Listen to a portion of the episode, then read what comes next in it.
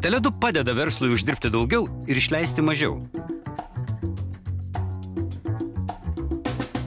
Užsiregistruokite konsultacijai internete ir sužinokite, kokiu naujienu paruošėme jūsų verslui. Šiuo numeriu vaikiškai lengva padėti indėlį su nevaikiškomis palūkanomis. Daugiau informacijos gfbankas.lt.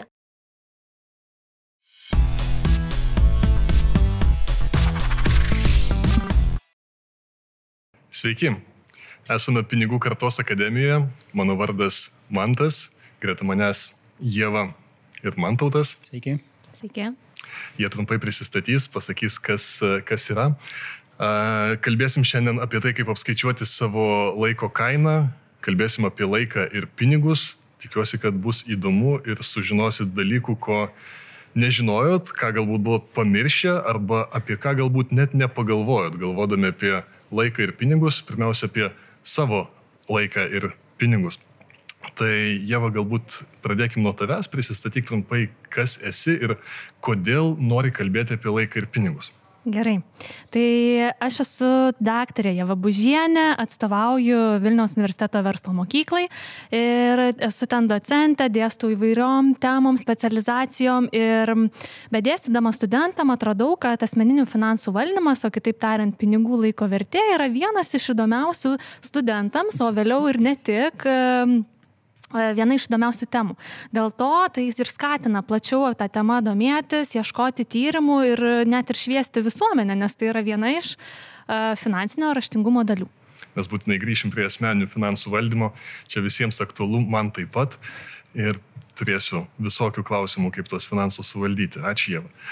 Man tautai, prisistatyk trumpai, kas, kas tu esi ir kodėl nori kalbėti apie laiką ir pinigus. Tai esu Matotas Paškevičius, įmonės Strategic Staffing Solutions viceprezidentas Europai.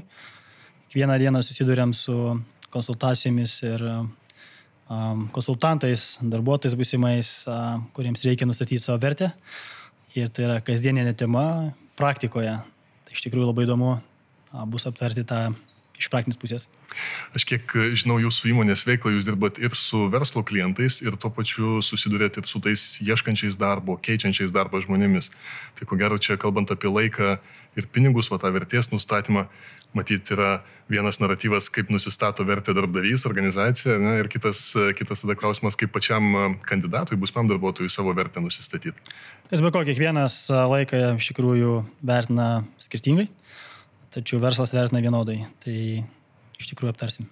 Gerai, gerai. Tai greta manęs, kaip jau girdėjot, du pašnekovai, jie va daugiau iš akademinės pusės ir darbo su duomenimis, darbo su tyrimais pusės, darbo su studentais, ta jauna karta, kuri dar tik beldžiasi į darbo rinką pusės ir man tautas daugiau iš praktinės pusės, iš verslo ir tuo pačiu jaučiantis pulsą, kuo gyvena, kuo pulsuoja, arba dabar COVID situacijų reikėtų turbūt sakyti, kokią temperatūrą turi. Nepulsuoja. Jo, arba ko nepulsuoja ta darbo rinka, kuri vis tiek juda, keičia ir, ir tas judesys darbo rinkoje, ko gero, yra, yra nuolatinis. Grįž, grįžkim prie asmeninių finansų valdymo. A, dabar kažkaip labai madinga apie tai kalbėti ir, ir nu, viena iš ko gero tų karštų temų, tas asmeninis finansų valdymas, man tada kyla klausimas, ar mes daug kalbėdami apie tai, ar mes vienodai tai suprantam, kas apskritai tas asmeninių finansų valdymas. Ar tai kažkokios aukštos materijos, ar tai kažkas, ką gali lentynėlę, kelias lentynėlės susidėti. Tai kas tas finansų valdymas pagal Jėvą? Ne tik pagal Jėvą, bet ir pagal bendrai ekonomistus ir teoretikus. Finansų valdymas tai yra na, sakykime, procesas, kurį mes taikom ir kurį naudojam tvarkydami savo finansus. Tai yra E, planavimas, kontrolė, kažkokių veiksmų vykdymas, e, peržiūra ir daugybė kitų veiksmų, ką mes naudojam. Čia taip procesiškai apibrėžiu arba apibrėžimą pateikiu, kas tai yra. Kartais būna labai apmaudu, kad asmeninių finansų valdymą tapatinam tik su taupimu na, kiti tarsi įsivaizduoja, kad tai taupimas ir nieko daugiau. Ne, iš tiesų tai yra gan plati savoka, gan plati, kaip ir minėjau, gan plati veikla arba procesas ir visa ko pradžia yra planavimas. Kad ir kartais kam labai patinka planuoti, kam nepatinka, bet dažnai jau čia Jėva sako, kad pinigai mėgsta tvarką, tai vadinasi, pradedam nuo tam tikros tvarkos arba planavimo. Ok, tai išsiaiškinom keletą dalykų.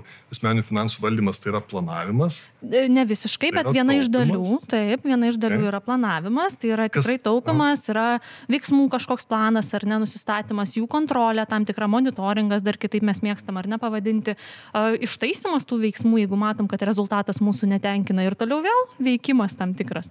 Aš pa- paklausiu per pavyzdį, nes mūsų žiūrintis, ko gero, irgi galvoja pavyzdžiais ir praktiniam situacijom. Vat, sėdi man tas kavinėje, užsisako dienos pietus, jam atneša pietus, jis pavalgo ir tada man tas atsiskaito su, su kavine, kortelė ar grinais.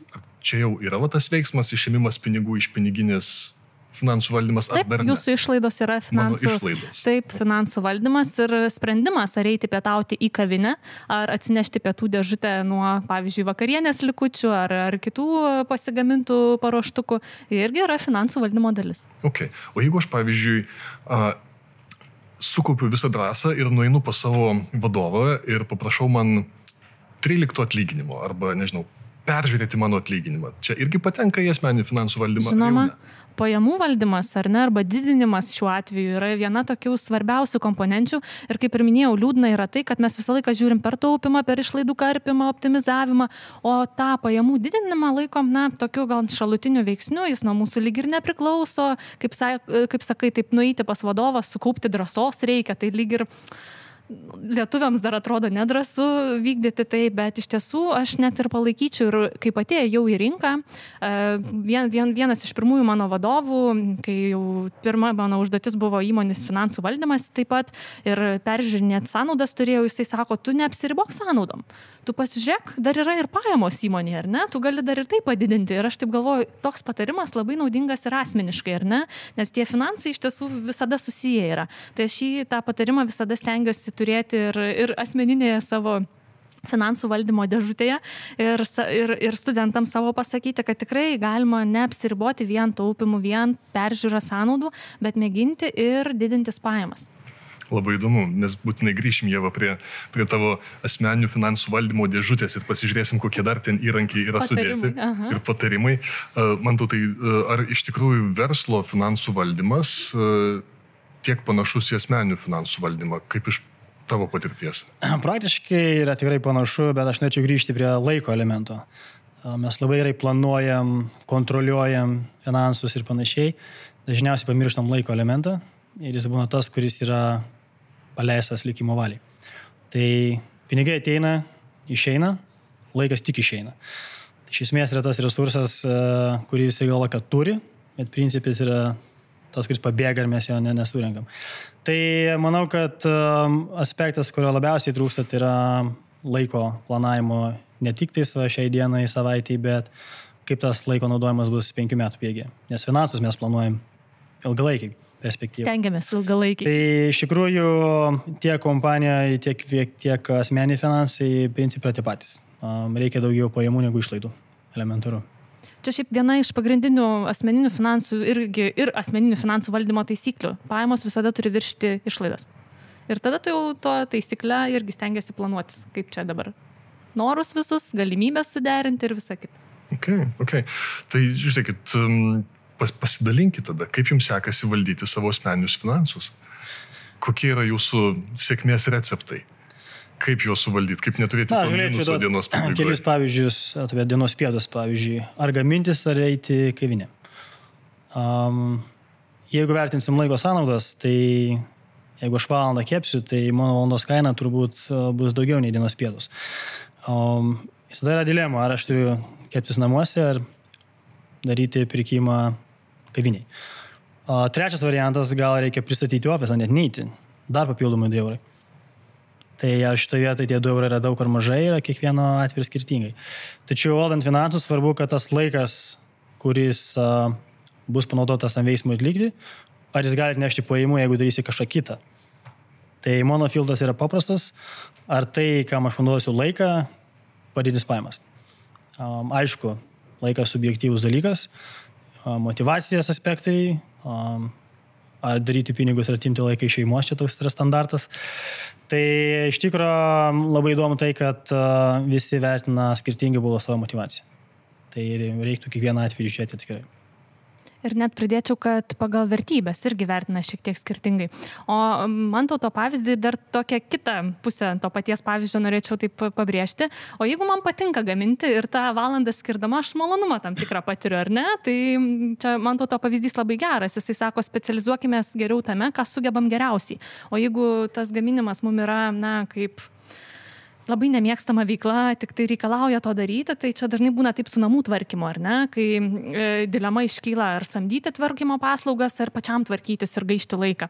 Tai vėlgi aš sakyčiau, jeigu patirat kažkokį malonumą ir jums tai patinka, tai darykit patys, ar ne? Jeigu manot, kad per tą laiką, kaip ir man tu tą sakė, geriau kažką kitą padarysiu, ar ne, rasiu kažkokį klientą, jeigu esu verslininkas, arba kažkokį straipsnį perskaitysiu ir man gims e, mokslo kažkokia idėja, ar ne, arba į studentas esu pasiruošę egzaminui, tai tada, na, prašykim kambarioko ir su juo tarkimės kažkaip, ar ne, arba samdykim paslaugą, kuri, na, padarys tai už mus, o mūsų laikas bus skiriamas tada kažkam kitam, vertingesniam, sukuriančiam didesnę vertę. Šiandien labai geras yra pavyzdys, e, visi užsidarėm namuose ir pradėjome naudoti internetą, pirkti viską iš eilės, pristatymas. Tai um, ar man važiuoti į prekybos centrą ir tą prekę nusipirkti, ar mokėti 2 eurus už pristatymą. Ir stupyti pusę valandos, nes parkavimas, atstumai. Um, vienu atveju tai tikrai atrodys, o, kodėl važiuoti, tik, tik 2 eurai. O gal kitu atveju bus atviršiai. O jeigu 10 eurų pristatymas, tada yra klausimas, ar aš jausiuosi gerai, ar vis tik sutaupysiu važiuodamas. Ir čia nėra vienareikšmiško atsakymo, čia Taip. reikia pasverti kiekvienu atskiru atveju. O grįžtant prie Jėvos minties, jeigu uh, važiavimas kaip gaminimas, pavyzdžiui, uh, suteikia malonumą, tai kodėlgi nenuvažiuoti ir neužsikrauti motivacijos likusiai dienos daliai. Žiūrėkit, mes čia kalbam apie, apie tokį produktivumą asmeninį jau dabar ir tokį efektyvumą asmeninį, kaip ir savo turimą laiką, kurio kiekvienas turim 24 valandas e, per parą, 7 dienas per savaitę, kaip išspausti kuo daugiau, ar ne? Tai kol nepradėjom spausti kuo daugiau, mano klausimas toks, žiūrėkit, ar tikrai reikia, ar tikrai gyvenime reikia iš savęs spausti kuo daugiau? Čia irgi, žinau, toks e, pusiau filosofinis klausimas ir galim rasti keletą net tokių e, sričių. Jeigu tu esi savo dar gyvenimo arba karjeros pradžioje, aš sakyčiau, taip reikia stengtis ir spausti kuo daugiau. Vėliau, kai tu jau ten kyli karjeros galbūt laiptais arba na, turi kažkokį pagrindą jau po kojom susiformavęs ar, ar, ar atsiranda kažkokių kitų veiklų, tai tuomet reikėtų jau labiau įjungti tokį kritinį mąstymą ir svarstyti, ar ne, kaip ir va čia kalbėjom, kuri veikla neša malonumą, kuri naudą didesnė neša, nebūtinai apie malonumus kalbant, ir tada jau galėtum rinktis, nes čia dabar labaigi populiaru, na kaip populiaru, iš tiesų vis ateina ta tai tie tyrimai, ta kalba apie sutrumpintą darbo laiką ir darbo savaitę, kuris lyg ir sakytų, kad mes lyg ir neturim dirbti ištisai, ar ne, ko, ko lyg ir lietuvių tauta būtų įpratus, darboholiz, darboholizmą tokį turėti. Bet um, ateina ta mada, pavadinkim taip ar ne, kuris sako, kad, na, žmogus turi turėti ir kitų veiklų, tai yra ne vien tik darbinės kažkokias, ne vien tik save išseikvoti, ne, išsispausti ar ne, kaip sakėt, kiek įmanoma, kad jo vertė, jo produktivumas būti patys geriausi. Aš pridėčiau tas pasirinkimas, laikas ir pinigai. Tai klasikinė situacija yra ta, jeigu kuo esi jaunesnis, tuo labiau sverti į piniginę pusę kuo gyvenimas stabilesnis, šeima, vaikai, pajamos, laikas svarstyklėse kyla.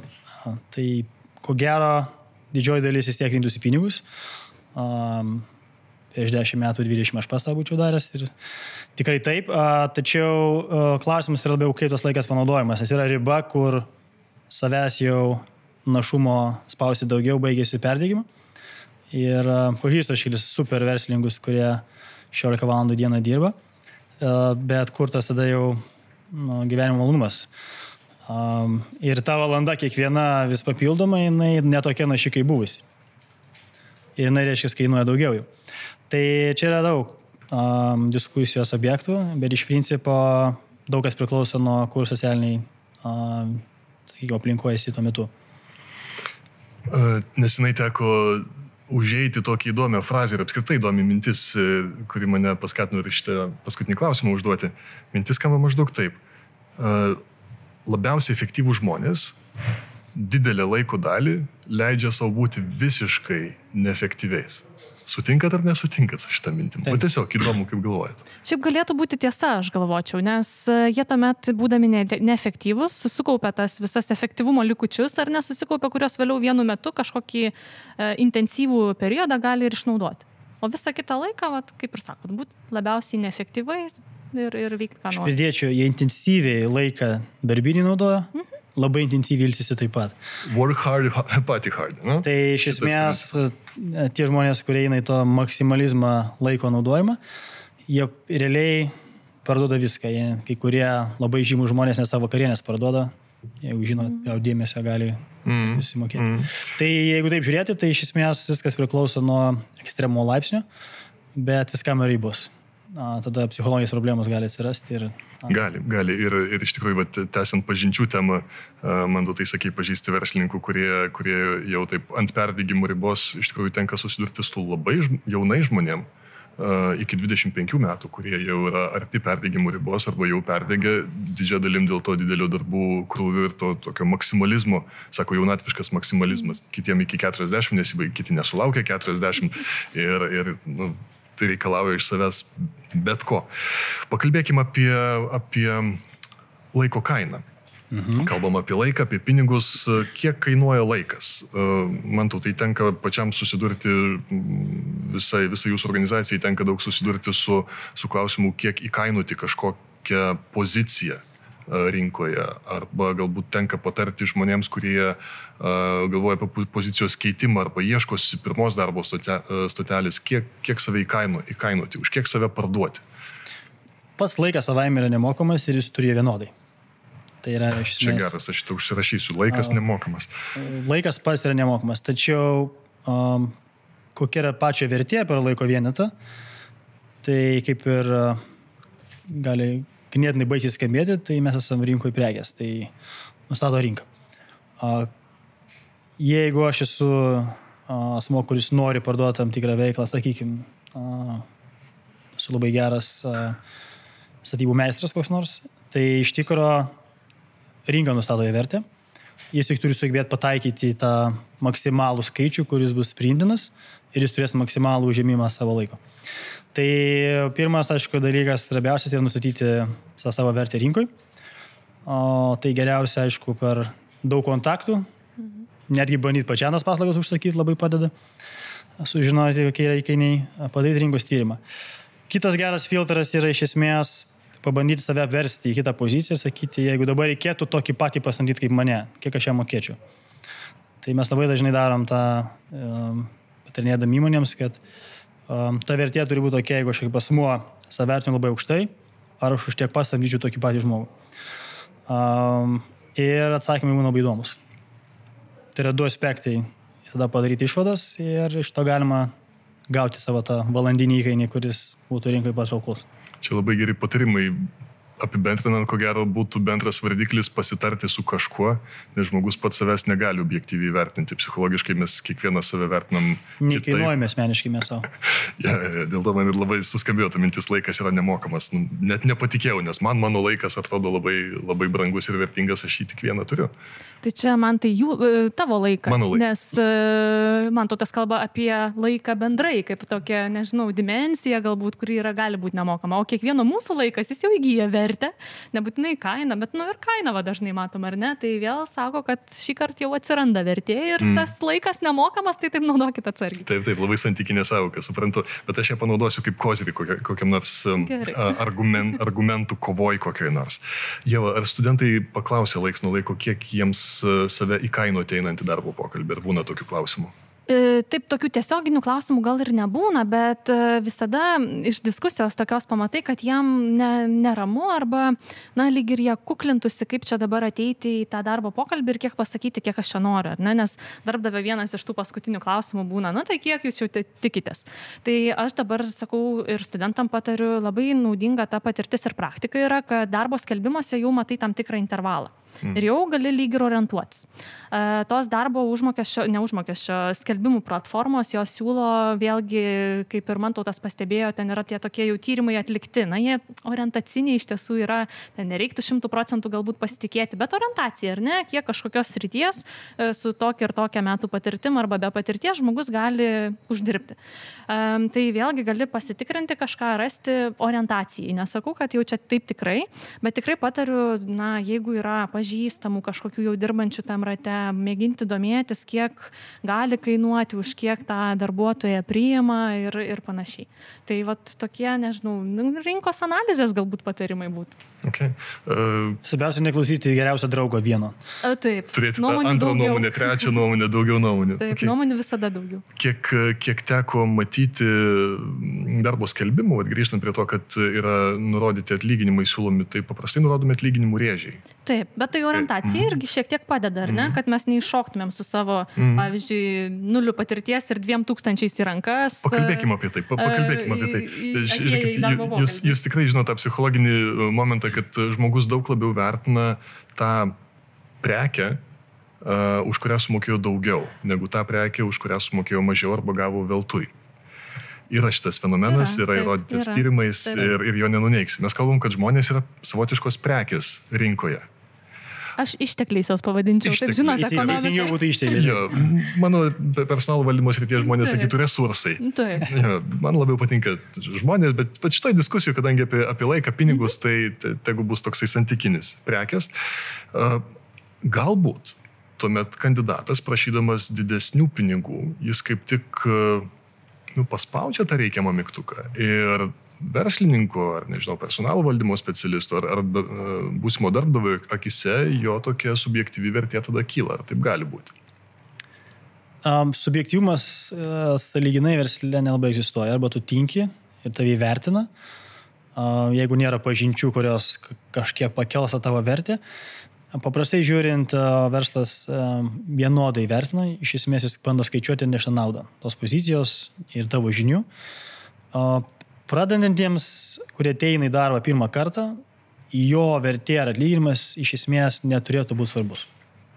Ir mano padarimas dažniausiai mano toksai, kad e, šiam mėnesiui, va šiem pusmečiui tai atrodo labai svarbus savo klausimas - 50 eurų ten ir ten. Po 5 ar 10 metų tai bus absoliučiai nesvarbu, nes tavo trajektorija pajamų daugiau priklauso nuo ar tau patinka tas darbas, ar tu gausi žinių jame. Tai daugiausiai iššūkių yra tai, ar tu gali sauliaisti negreip dėmesio į, sakykime, 10 procentų tą sviravimą. Nes eiti, ateiti į rinką naujam visada yra sunkiau negu su patirtim. Konkurencija didesnė. Tai jeigu tikslas yra vėlgi laikas ir mes jį skaičiuojam, tai geriau greičiau į rinką ateiti ir labai stipriai akceleruoti, negu bandyti rodyti ir rasti tą darbdavį, kuris sutiks mokėti, dažnai, daugiau, nu, 10 procentų daugiau nei rinka siūlo. Tai tokiu atveju labai būsi patenkintas šiandien, gavau 10 procentų daugiau nei mano visi bendrakursiai, tačiau po penkių metų jie visi galbūt bus pažengę 50 kartų daugiau negu tu. Tai vertinimas turėtų būti ir per laiko skalę, ko dažniausiai jauni žmonės visiškai nemato. Ne, tikrai nepritariu.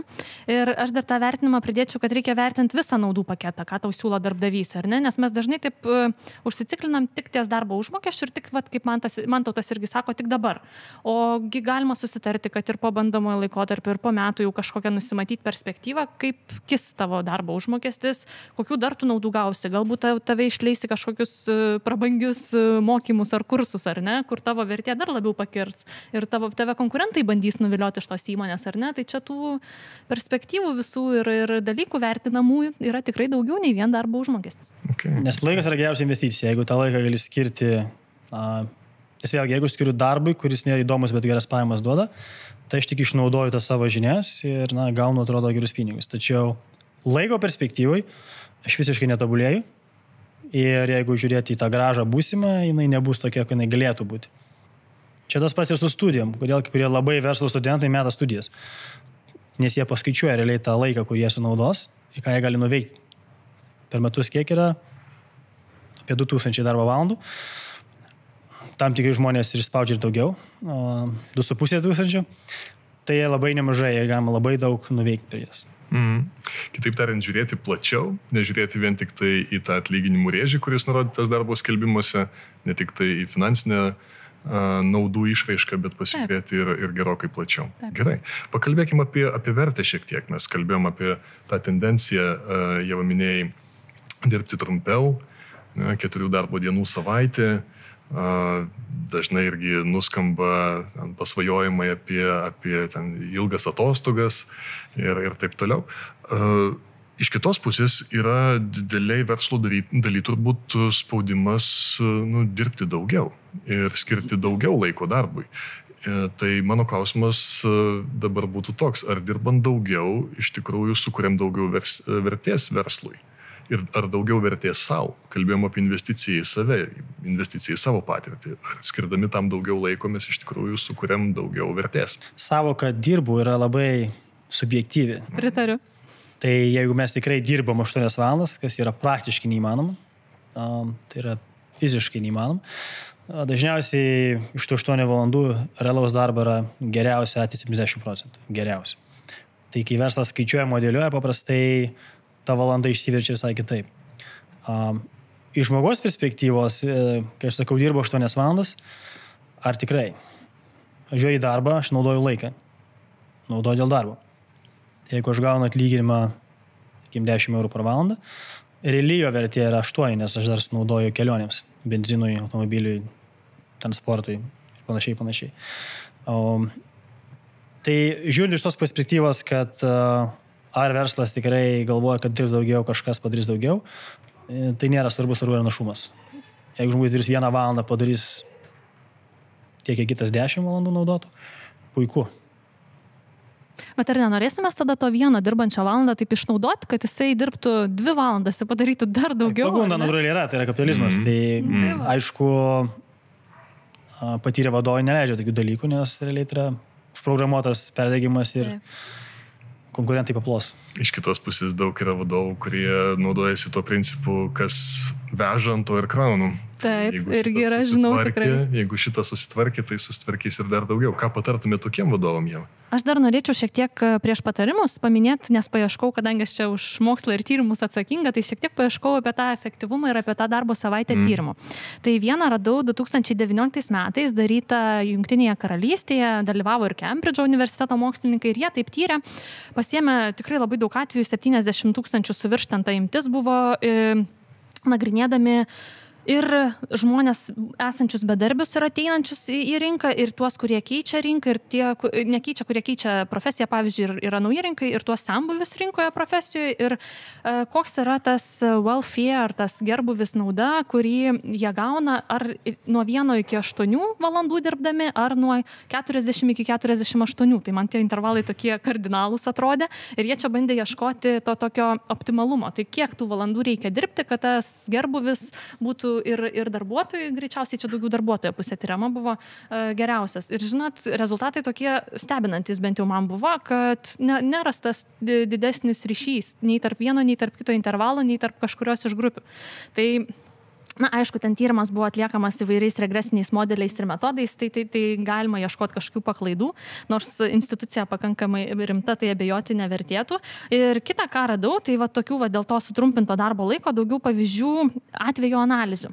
Tai vienas pirmųjų, tas Microsoft Japan, kuris e, Japonijoje pristatė, ar ne, e, tokį bandomąjį modelį, kai 2000 su virš darbuotojų išėjo penktadieniais nedirbti, bet tie penktadieniai buvo apmokami. Čia Lietuvoje dar kartais kyla diskusija tai jeigu dirbam keturias dienas, tai tą penktą apmokam ar ne? Ar čia jau ir sutaupom iš to, ar ne? Tai apmokami. Ir stebėjo, kaipgi toliau čia kinta ta įmonės veikla. Na ir po tų penkių penktadienių pastebėta yra tai, kad 40 procentų išaugo įmonės pardavimai. 60 su virš procentų sutaupyta elektros ir kažkur panašiai e, spausdinimo reikmenims ar, ar, ar popieriui e, išlaidų. Ir žinoma, ten šalia vyko ta socialinė apklausa apie darbuotojų pasitenkinimą, kai, kokie jie laimingi ir kokie produktyvūs, kaip darbai nesustojo, vad net iš pardavimo atrodytų, kad išaugo. E, man smagu girdėti, kad ir Lietuvoje įmonės imasi tokių eksperimentų ir ne tik privačios, bet ir šiek tiek, šiek tiek kaip sakau, valstybinės.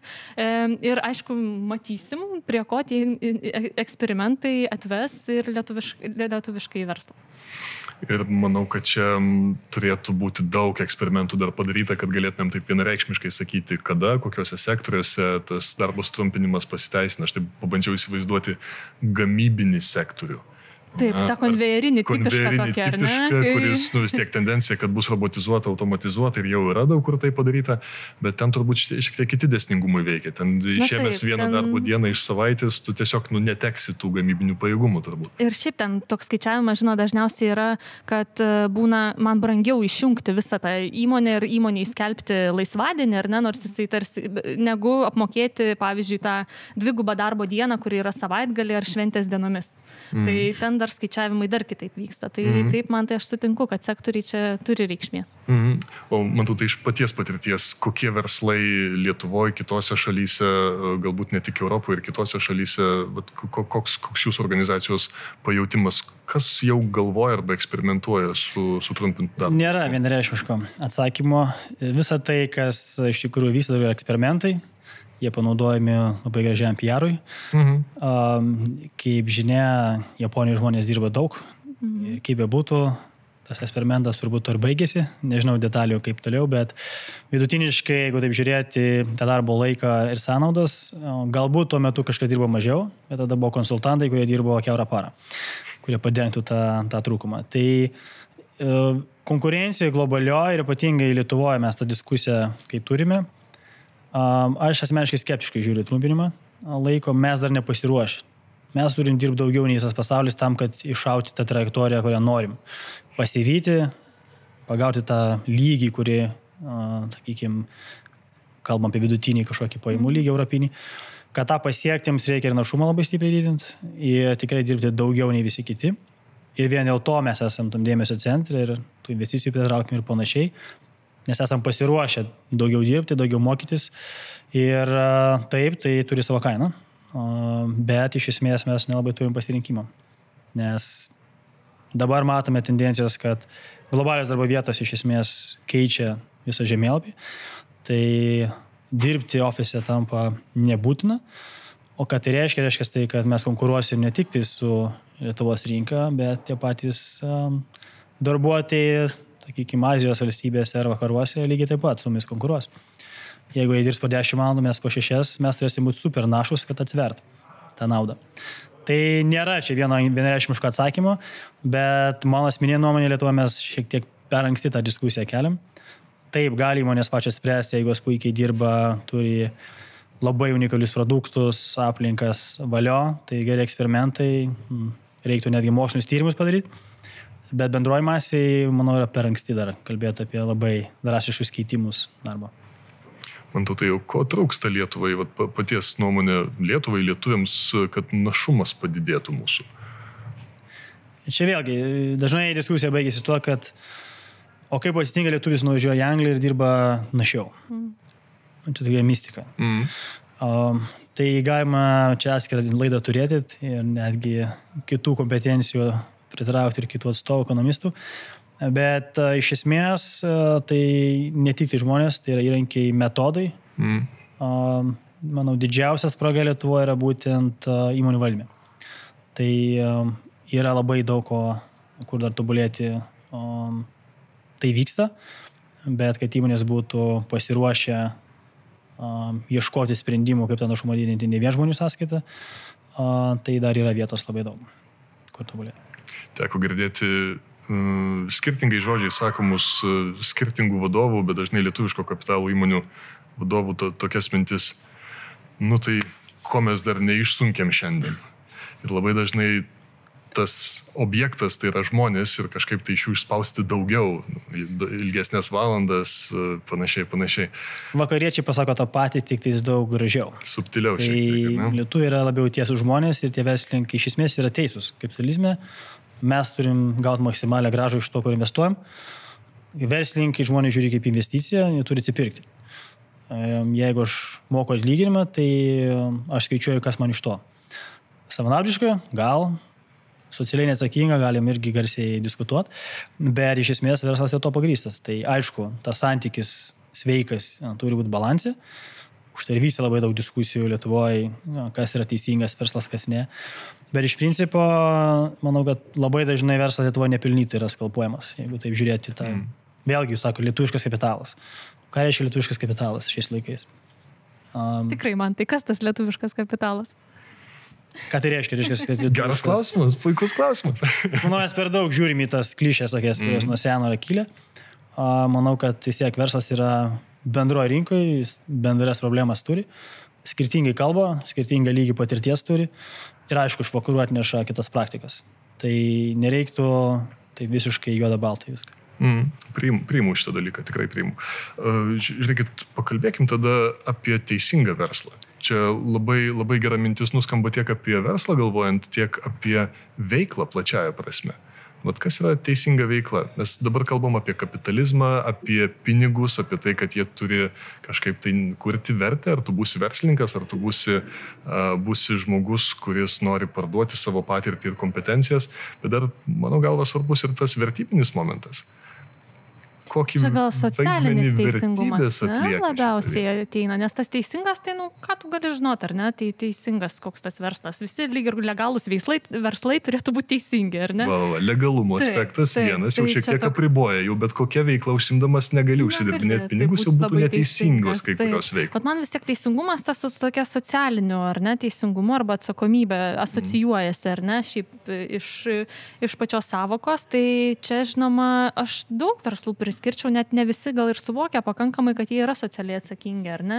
E, darbo vietų sukūrimas, o kogi tai ne socialinė tam tikra atsakomybė, aš įdarbinu žmonės, tai va, aš tiek man to tu irgi pritariu, nors ir verslas atrodytų, kad toks truputį uh, nežinau, tokie pirštai į save riesti, kad viskas tik pelno jiem reikia, tik kaip kalbėjom, išsunkti reikia, bet jis sukuria darbo vietas, kur, kur, kur žmonės gali save ne tik užsidirbti, realizuoti galų gale, ar ne, bet ir galbūt kažkokiu kitų tikslų pasiekti. Mm. Tai čia tas svarbus legalumo aspektas. Žiūrėkit, Somalio piratų organizacijos irgi sukuria darbo vietas, bet mes jų netraktuojam, ko gero, kaip to teisingo taip, verslo, vadinkim. Beje, pajamas uh, to juodoji zona yra pačios geriausias laiko sąnaudų prasme. Tai mm. jeigu iš laiko perspektyvos grįšim žiūrėti, tai aišku, visur yra dedamosios. Geriausias laikas, naudingiausias yra, kurį duodi kitiems, jeigu taip morališkai žiūrėti, pasitenkinimą daugiausia duos. Bet tada klausimas, na, iš ko gyventi ir mm. sakyti. Aišku, rizikos didžiausias to juodoji zonai. Jeigu kalbėt apie tai, aš manau, net neverta čia kalbėti, nes mm. tai yra Juoda zona. Juoda zona. ok, ok, gerai. Uh, man tai jūsų įmonė uh, yra pelno siekianti organizacija. Ko gero taip. E, kaip ir visos, ko gero, versle veikiančios įmonės. E, aš dar prie to teisingumo noriu, noriu grįžti plačiaja prasme, teisingos veiklos, teisingo verslo. E, dalis įmonių, didelė dalis įmonių turi savo korporatyvinės vertybės, turi savo kažkokius principus, etikos kodeksą ir, ir kitus dalykus. Taip pat kiekvienas žmogus turi savo kažkokius principus, kuriais jis vadovaujasi, žinai, įsivardinti principai arba tiesiog tokie, nu, kažkur tai jaučiu, kad tai neteisinga ir va to, to nedarau kiek versle šitie principai yra popieriniai, kaip vertybės, pavyzdžiui, o kiek jie veikia iš tikrųjų, vat, kiek, kiek iš paties patirties. Labai gerai, žodžiu, jaučiu neteisinga. Tai žodis jaučiu, tas jausmas peržengus tam tikrą ribą vis tolsta. Ir dažnai būna, kad e, kai kažkas atsipeikia vydamas tam tikrą veiklą, ne visiškai legalė būna, pabandžiau, pabandžiau, pabandžiau, stumiau, stumiau ir ta kartelė nukrito. Mm. Bet jeigu žiūrėt rimtai, tai verslas iš tikrųjų, jo tikslas yra būti stabiliu ilgalaikiu. Ir jeigu jisai sugebės save integruoti kaip dalį visuomenės, tai jis tik tai užsitikrins ateitį. Tai trumpalaikiai perspektyvai taip, galima maksimalizuoti pelną tam tikrą sąskaitą, bet jeigu žiūrėti ilgaikiai perspektyvai, tai labai svarbu, kaip tu dirbi, kokie tavo principai, ne tik rašytiniai, nes rašytiniai kaip taisyklė labai gražiai atrodo, bet priklauso, kaip organizacija tai naudoja ir darbuotojai. Daugiausia, aišku, susijęs su tai, ar verslas vis tik orientuotas tik tais į vieną veiksmą, kuris yra pagrindinis - generuoti akcininkams vertę, tai čia vienreikšmiškai, bet ar tai pakeliui einant link to, ar sukūrima kažkas papildomai. Um, ta pati pagalba tam tikrom organizacijom, kuriems reikia pagalbos, tam tikrų žmonių darbinimas, kurie paprastai darbo negautų. Um, ir, sakykime, na, jeigu labai didelį vertė sugeneruojama, galbūt tą vertę pasidalinti vertą rinkoje, kad ta rinka klestėtų ir tau vėl neštų atgal dar didesnį naudą. Mm. Tai kampų gali būti įvairių, bet verslas be vertybių, skalės, kokie jinai bebūtų, neišgyvena joks. Mm, okay. Aš tą, tą irgi labai, labai vertinu ir man atrodo labai, labai svarbu, kad uh, tiek verslas, verslininkas šiuo atveju, tiek ir kiekvienas žmogus darytų tai, dėl kurio darytų tokius dalykus, dėl ko paskui nebūtų gėda. Tu... A, kai kurie gėdos jausmo neturi, reikia irgi. Ir gėdos jausmas mažėja, kai tu te, tiesiog tesi daryti tas, vadinkim, juodos zonos veiklas. Matyt, kad šitas dalykas irgi, irgi yra. E, tai čia vėl grįžtam, grįžtam prie to, kad nu, negali apie finansų valdymą, apie vertės kūrimą, apie investicijas galvoti, turėdamas mintie tik tai tą šiandienos perspektyvą. Tu turi žiūrėti į priekį, tiek būdamas verslininku, tiek būdamas tuo, kuris parduodi savo kompetencijas, savo, savo žinias. Reikia žiūrėti į priekį.